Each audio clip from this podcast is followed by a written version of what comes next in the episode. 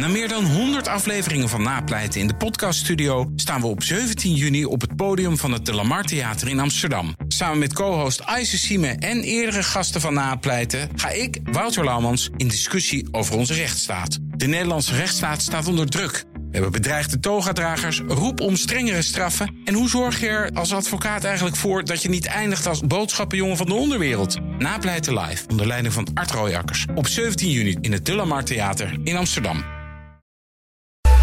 BNR Werkverkenners wordt mede mogelijk gemaakt door BrainNet. BrainNet voor zorgeloos en professioneel personeel inhuren. BNR Nieuwsradio. BNR Werkverkenners.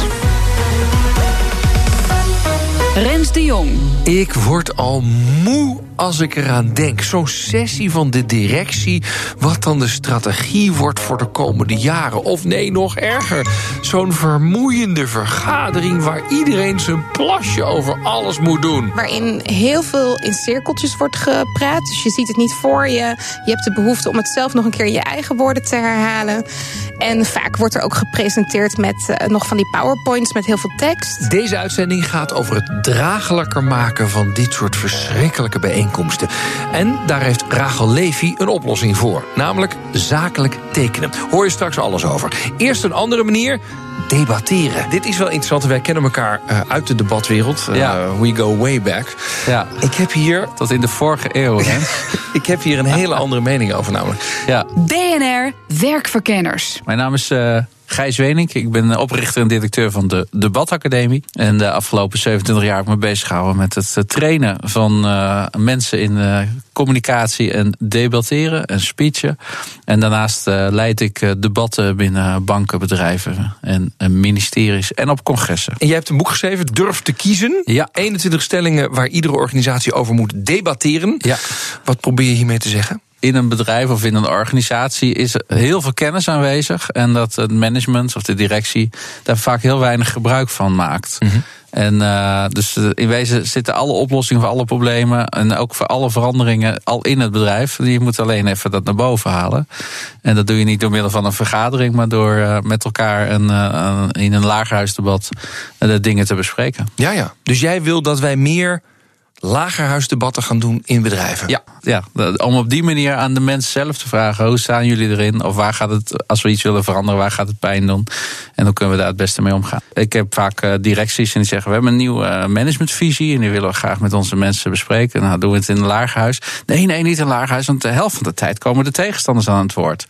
En dan uh, zeggen we: maar hoe meer weerstand er is hoe, en hoe meer je dat laat uitspreken, hoe meer het verdwijnt. Dus het is een manier om het draagvlak te vergroten. En dat betekent niet altijd dat je zoveel draagvlak hebt dat het ook door kan gaan. Maar uh, het vergroot het, het, uh, het, draagvlak voor veranderingen, vernieuwingen.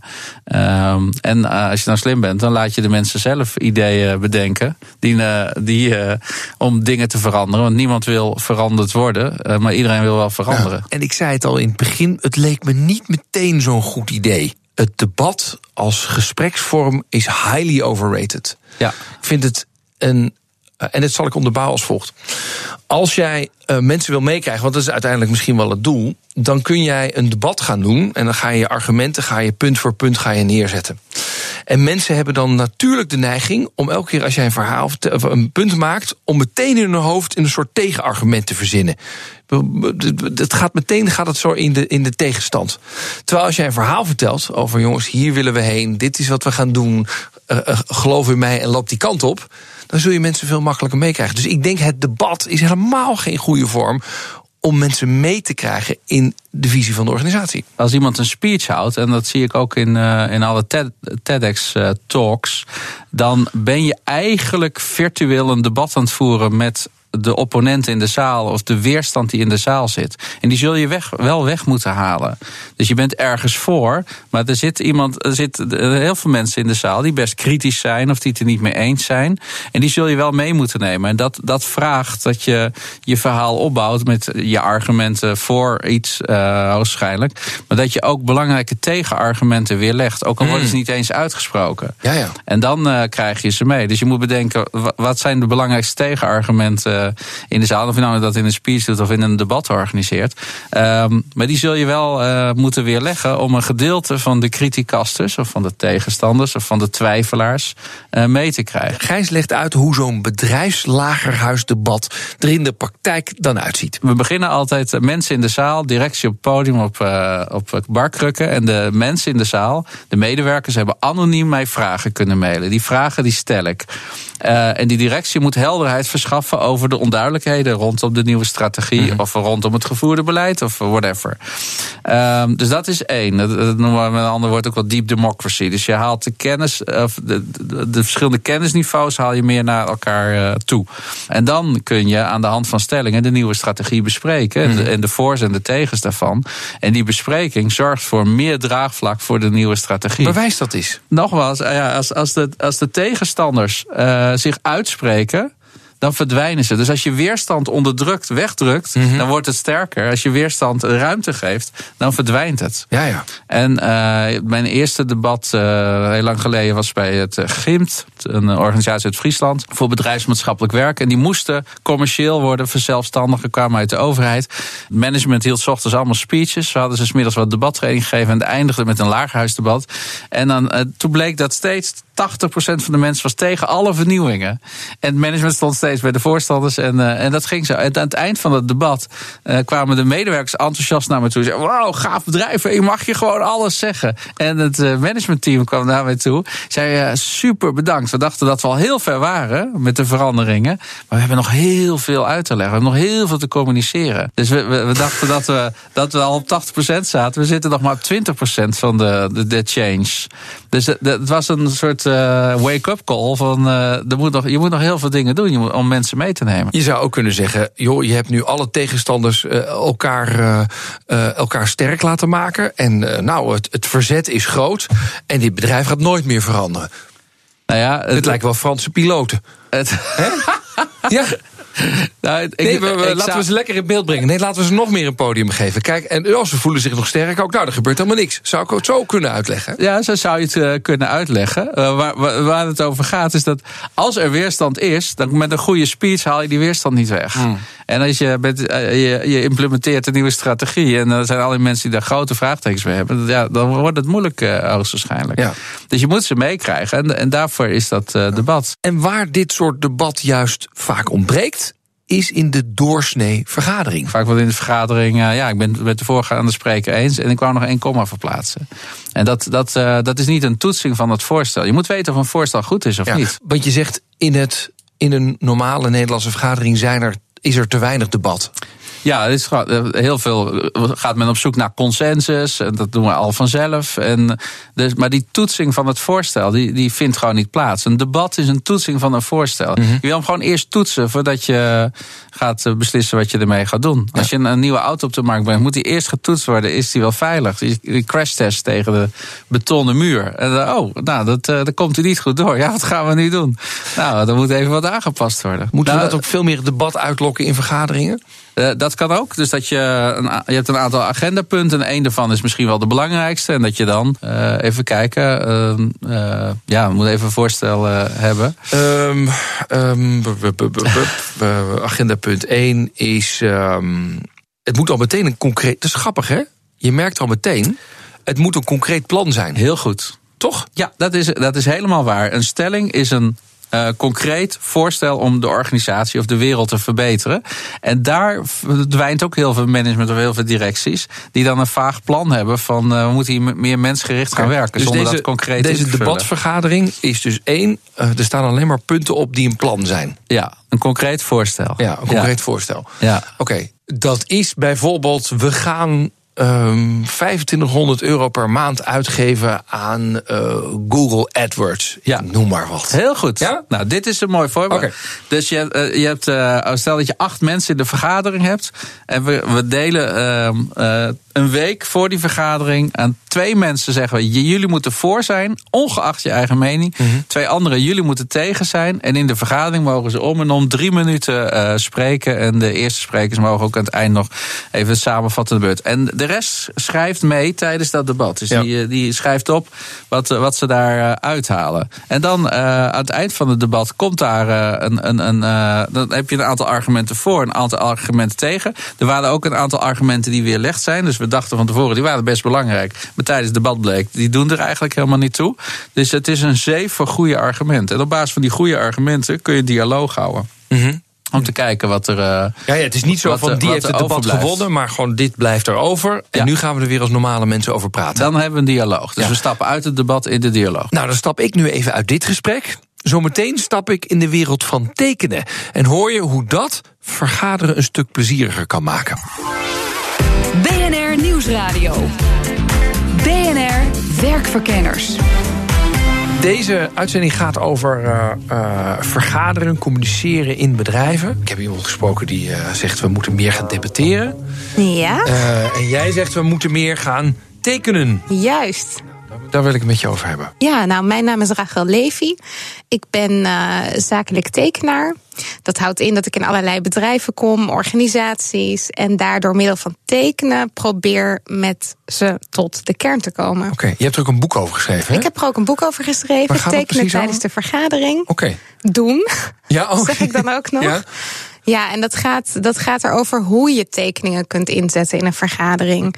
Om dus sneller en effectiever, maar vooral ook leuker met elkaar te werken. En geef, ook er, eens- geef er eens een voorbeeld van. nou, een voorbeeld is dat heel veel organisaties hebben dan een eh, strategie of een missie.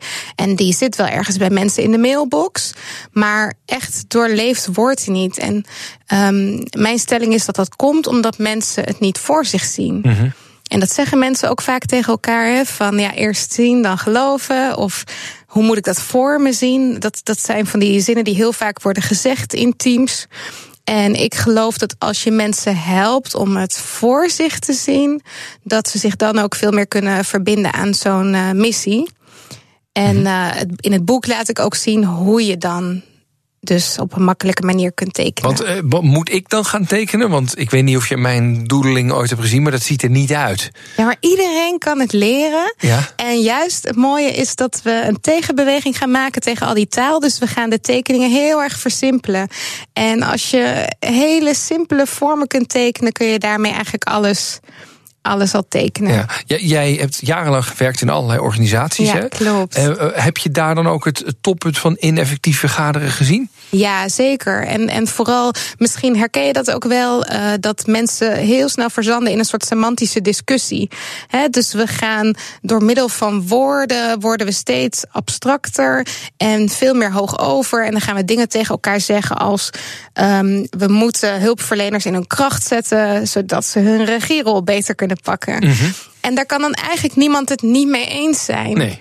En daarom communiceren we zo. Maar of we dan echt nog voor ons zien wat we dan precies gaan doen en wat dat betekent, dat geloof ik niet. Maar hoe kan het dan met een tekening opgelost worden? Een tekening kan, eh, zoiets wolligs, kan je niet in een tekening vatten. Dus je, het dwingt je om door te vragen.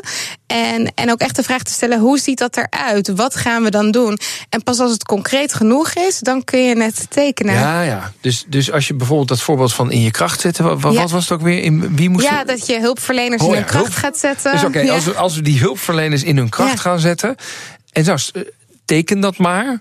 ja. Ja, ja, ik zou meteen aan een soort supermannetje denken. ja, maar is dat iets? Zegt Nee, dat dat iets? zegt eigenlijk niet zoveel. Dus, hoe ga ik dat dan verder doen? Nou ja, dus het dwingt mensen om na te denken: wat doet dan die hulpverlener als hij in zijn kracht staat? Of hoe voelt hij zich dan? Of wat heeft hij dan gekregen, wat hij nu niet heeft gekregen van ons? En ja, hoe concreter je wordt, hoe makkelijker het wordt om daar ja, door middel van simpele icoontjes dat met elkaar te ja, verbeelden. ja, dus je tekent een hulpverlener. En dan zegt hij, die kan dan veel bij de patiënt zijn. Ja, Hartje, ja, patiëntje. ja. En die vult weinig. eh formulieren in. En dan kruis je doorheen. Ja, en op, eigenlijk door op een heel simpele manier te gaan tekenen, dat, het, het, het is een soort filter. Dus het haalt je weg uit die eindeloze discussies en het helpt je om met elkaar heel snel tot de absolute kern te komen. Ja, en stel je voor, ik wil dit ook gaan doen in mijn bedrijf. Ja, Ik zei al, ik kan niet heel goed tekenen. En met zo'n vergadering zitten we ongeveer aan de tafel als dit. We hebben geen tekenblokken voor ons. Hoe moet dat dan? Nou, in elke vergadering staat eigenlijk wel een flip over. En ook zonder, je kunt prima met gewoon een stuk A4 met elkaar verhelderen waar je het over hebt. Mhm. Maar ik zou ook juist uitnodigen, kom wat meer weg van die tafel. Ga lekker rond een flap staan. Pak de stift ter hand en uh, ga met elkaar verduidelijken. En jij bent er heel goed in, toch? Of niet? Ik ben daar heel goed in. Heb je pen absoluut. en papier mee? Want ik zie er een tas Ik liggen. heb, uh, nou, dat is een goede vraag. Ik kan wel even kijken. ik maar heb volgens anders mij, mijn oh, boekje wel mee hoor. Wacht, ja? Ik pak even. ik ben benieuwd. Kan het met elke pen of niet? Nou, ik werk zelf bij voorkeur met stift. Want als je iets gaat doen met, uh, met een potlood, dan ben je geneigd om heel kritisch te zijn. En dan kun je het uitgummen. Dus liever gewoon lijnen met lef en in één keer tekenen. Oké. Ik praat in het dagelijks leven, dus ik heb Ja. altijd klembordjes Ja, mee voor mijn ja. draaiboeken. En ik heb alleen maar een balpen. Nou, dat Dus is helemaal prima. Daar moet ik het mee doen. daar moet ik mee doen. Dus ik ben gewoon heel benieuwd, stel je voor, Ja. nou, waar, wat, wat voor een vergaderonderwerp zullen we nemen? Nou, zeg dus, waar vergaderen jullie veel over? Eh, Zijn er nou, bepaalde over, eh, trends, nou, ontwikkelingen? bij BNR zit natuurlijk altijd te vergaderen over de luistercijfers. Ja, Ja, ja. van hoe moet het omhoog? Hoe zorgen we ervoor Ja. dat mensen langer luisteren? Dat we interessantere onderwerpen hebben? Dat, we, nou ja, dat, dat, dat eh, mensen die ons nog niet kennen, ons wel gaan kennen, et cetera. Nou, heel goed onderwerp. Dus we hebben het over hoe gaan we dus meer luisteraars be- betrekken. Ja, ik zie jou meteen Dus wat ben je aan het tekenen. oor. Oh, een oor. Oh ja, Ja. ik zie het al. Ja. En nou, daar maak ik dan een soort grafiek bij, omhoog. Hè? Dat is ons doel. Ja. En hoe willen we dat dan bereiken? Noem eens wat voorbeelden. Wat gaan jullie dan, eh, dan doen? Ehm, nou ja, luisteren naar luisteraars. Van wat vind je van onze programma's en wat kunnen we verbeteren? ja, dus je gaat met ze in gesprek. Ja, we gaan in met z'n gesprek. Ja. Je begint meteen iets te tekenen. Oh, een Ja. gesprekwolkje. Ja. Oh, je hebt dit ook echt vaker gedaan, zie je dat? Ja, oké, heel goed, ja. En we gaan. ehm, ehm, eh, nou, we gaan ook meer ehm, denk ik, eh, reclame maken hè, voor, voor ons station. Ja, en waar gaan jullie dat doen? Is dat op social media? Is dat eh, nog ouderwets met televisie? Of Nou, ik denk dat we, we hebben billboards buiten staan. Ja. En we doen het met social media. ja. Dus jij begint meteen een billboard te tekenen. Ja, dus en wat je ziet is, ik hou het eigenlijk heel simpel. Dus Ja. ik gebruik hele basale vormen. Het zijn bijna icoontjes. Het zijn eigenlijk icoontjes. Dus wat ik doe is, ik sla de wereld plat en ik kleed hem uit. Dat, Ja. dat is het eigenlijk. Mhm. En, ehm, maar door het op deze manier te doen, zoiets als wat je zei, hè, van. ehm, nou ja, we, we, we gaan meer naamsbekendheid zoeken in de media.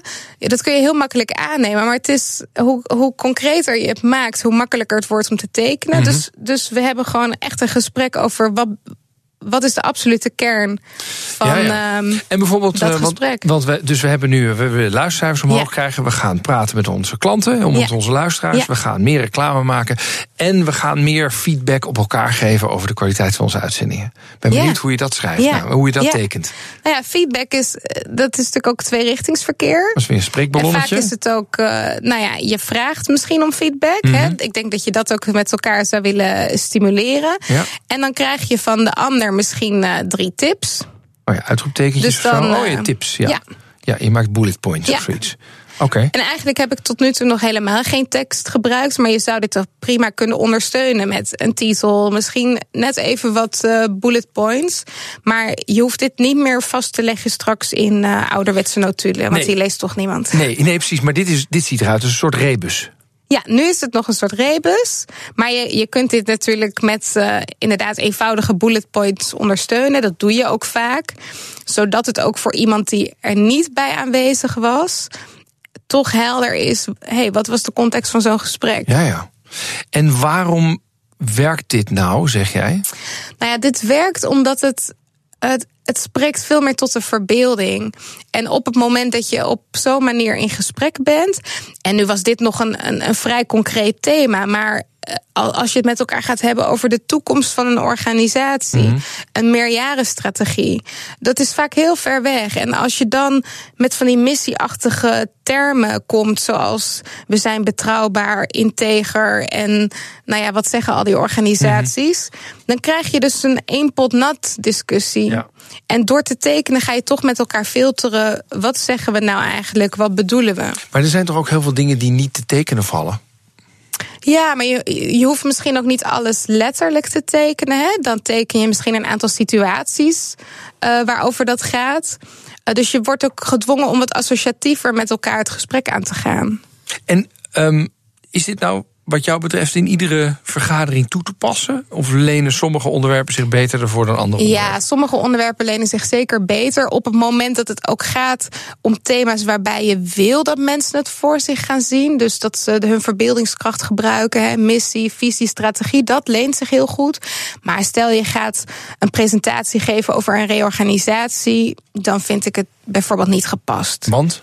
Nou, sommige thema's zijn gewoon formeel. Die moet je kort en krachtig. Uh, uh, meedelen of, of uitleggen. Maar uh, daarbij kan, kan toch de, het gevoel overheersen van: oh ja, ze willen het leuk. Ze willen het leuk maken. Ja, ja, en precies, sommige ja. dingen zijn niet dan leuk. Valt het, dan valt het een beetje. Uh, dan valt het een beetje verkeerd. Dan zou het wel eens ik een beetje verkeerd tekeningetjes opgestuurd terwijl we ontslagen worden. Precies, precies. Ja, dat zou, dat zou heel eigenaardig zijn. Werkt dit in elke sector? Want ik kijk, ik denk bij BNR, er zitten toch veel creatieve types die Ja, een beetje met de ja. benen op de grond, maar dit, Ja. vind- dit vinden we wel leuk, zeg maar. Ja, Maar ehm, eh, noem maar, een, eh, als je in een staalbedrijf werkt of in een heel blauw bedrijf. ja, ja. Weet je wat, ik, ik weet, weet niet of dat daar aansluit dat soort mensen. Nee, de grap is, je, je denkt juist in zulke organisaties dat het misschien niet aanslaat. Maar juist op plekken waar abstract en complex eh, eh, met elkaar ook gecommuniceerd wordt. Waar de organisatie ook eh, veel onderlinge afhankelijkheden, omdat je allemaal maar aan een stukje van een project werkt. Daar is het juist heel belangrijk om met elkaar hetzelfde beeld te hebben. Dus juist ook in gemeenten, ministeries, grote organisaties, waar mensen eigenlijk de- waarschijnlijk denken: oeh, spannend tekenen, gek. Daar werkt het heel goed. Ja, en is hier nou ook vergadertijd mee te besparen? Of is het veel meer dat je het beter maakt? Je maakt het beter. Dus zeker in het begin zal het je geen tijd besparen. Want je, je moet hier ook even handig in worden met elkaar. Maar wat het, uh, het zorgt er wel voor dat je aan het eind ook echt een concrete discussie hebt gehad. Dat je een concreet beeld voor ogen hebt. En eigenlijk, ja, na afloop hoeft dus ook niet meer een notulist twee uur lang die notulen zitten uit te werken. Want je hebt het met elkaar in één plaat. Ja, en is het dan ook zo de kracht dat je met elkaar aan het tekenen bent? Ja. Is, want wat, dat voel ik wel een beetje. Dat je zegt, nou ja, je gaat aan zo'n flip overstaan. Ja. En dan zeg je, nou, laten we eens even kijken wat we willen doen. Ja, zeker. Um, ik denk dat daar ook de meeste energie in vrijkomt in een team. Dat een team inderdaad, wat jij ook zegt, creatiever wordt. Um, maar als er één iemand in het team is die goed zou kunnen ondersteunen met tekeningen, is dat op zich genoeg. Als we met elkaar de tekening maar kunnen zien. Ik kan me voorstellen dat dit werkt met plannen maken. Ja, zeker. Um, maar werkt het ook als je echt discussies hebt? Um, nou ja, ik, dat denk ik wel. Of dat is ook wel mijn ervaring. Hè. Ik kom zelf ook als visueel notulist in organisaties op het moment dat ze met elkaar discussies hebben. En het mooie is, de discussie ga je niet uit de weg. Het is niet dat je niet meer met elkaar discussieert. Maar als eenmaal iets al op papier staat, hoef je jezelf niet eindeloos te herhalen. Mm. Je ziet letterlijk, oh, ik ben gehoord. Mijn bijdrage staat op papier. En ja, dat is natuurlijk heel anders dan wanneer je met elkaar discussieert. En iemand is wel baas van de notulen. Maar je ziet niet of je echt gehoord bent of op de juiste manier bent begrepen. Tekening is wel een soort met van. Uh, definitief, het staat er en dan kun je het ook niet meer weghalen, zeg maar. Ja, maar een tekening is op zich, het, niks is in beton gegoten. Hè? Je kunt met elkaar ook verkennen. En je kunt pijlen zetten, je kunt uh, de stift ter hand nemen en zeggen: daar ben ik het niet mee eens, ik zie het zo. Maar dan is het voor een ander wel duidelijk van: oh, jij ziet, jij ziet het dus ook zo. Ja. Ja. ja. Um, wat is het moeilijkste voor mensen om te leren, zeg maar, als ze, als ze dit willen gaan doen? Uh, ja, hun eigen kritische stemmetjes negeren. Hè? Jij begon ook al met: ik kan echt niet tekenen. Terwijl we konden allemaal tekenen voor we konden lezen en schrijven. En de grootste uitdaging is om jezelf te negeren. Oh ja? Ja, en het gewoon echt uh, te gaan doen. En te accepteren dat als je weer gaat tekenen zoals een kind van zes of zeven, dat dat goed genoeg is. Mm -hmm. en, en mensen die denken die die innerlijke stem nog wel echt behoorlijk hebben en denken, ja. nou, uh, hier heb ik echt geen trek in. Hoe haal jij ze over? Nou ja, die leer ik dus om uh, met hele simpele vormen. En dat zijn echt vormen die iedereen kan tekenen. Hoe ze daarmee, hoe ze die vormen zo kunnen puzzelen dat ze eigenlijk alles kunnen tekenen. Ja, ja. En dan hoeft het dus niet ingewikkeld of driedimensionaal. Je wordt geen Picasso of Rembrandt, maar je gaat echt tekenen voor het begrip. En je zult ook merken, naarmate je het vaker gaat doen, is het gewoon niet meer te stoppen. Het is enorm verslavend. Oh ja? Het is echt verslavend. Maar hoe ben jij er verslaafd aan geraakt? Nou ja, ik ben zo anderhalf jaar geleden voor het eerst met dit fenomeen in aanraking gekomen. Nou ja, inmiddels 2,5 jaar. En um, ja, eigenlijk sinds de dag dat ik ontdekte dat je met plaatjes zoveel makkelijker anderen kunt meenemen, ja, ben ik eigenlijk geen dag meer gestopt met uh, tekenen. En, en maar wat was de aanleiding dat jij opeens daarmee begon dan? Nou, ik hoorde het een keer en ik denk, goh, wat gek. Joh, ik zie dat helemaal niet voor me. hoe, hoe dat werkt, tekenen in je werk. Uh, maar sinds ik heb ontdekt dat het werkt en hoe het werkt, ben ik hier dus ja, vol stoom mee aan de slag gegaan. En nu geef ik er dus les in. Ik kom langs bij teams. Ik heb mijn boek. Ja. Helemaal overdonderd door de kracht van Absoluut. tekeningen. Ja. Nou, mocht jij nou ook verslaafd raken, stuur dan je tekeningen op via LinkedIn. En ben je nou ook verslaafd aan werkverkenners? Je kunt alle afleveringen terugluisteren op Spotify, iTunes en de BNR-app. Tot de volgende keer. BNR Werkverkenners wordt mede mogelijk gemaakt door BrainNet. BrainNet voor zorgeloos en professioneel personeel inhuren. Ook Diana Matroos vind je in de BNR-app. Ja, inderdaad. Je kunt live naar mij luisteren tijdens de Big Five. Ook handig in de BNR-app. Breaking nieuwsmeldingen, maar ook het allerlaatste zakelijke nieuws. En je vindt in de app alle BNR-podcasts, waaronder Wetenschap Vandaag. Download nu de gratis BNR-app en blijf scherp.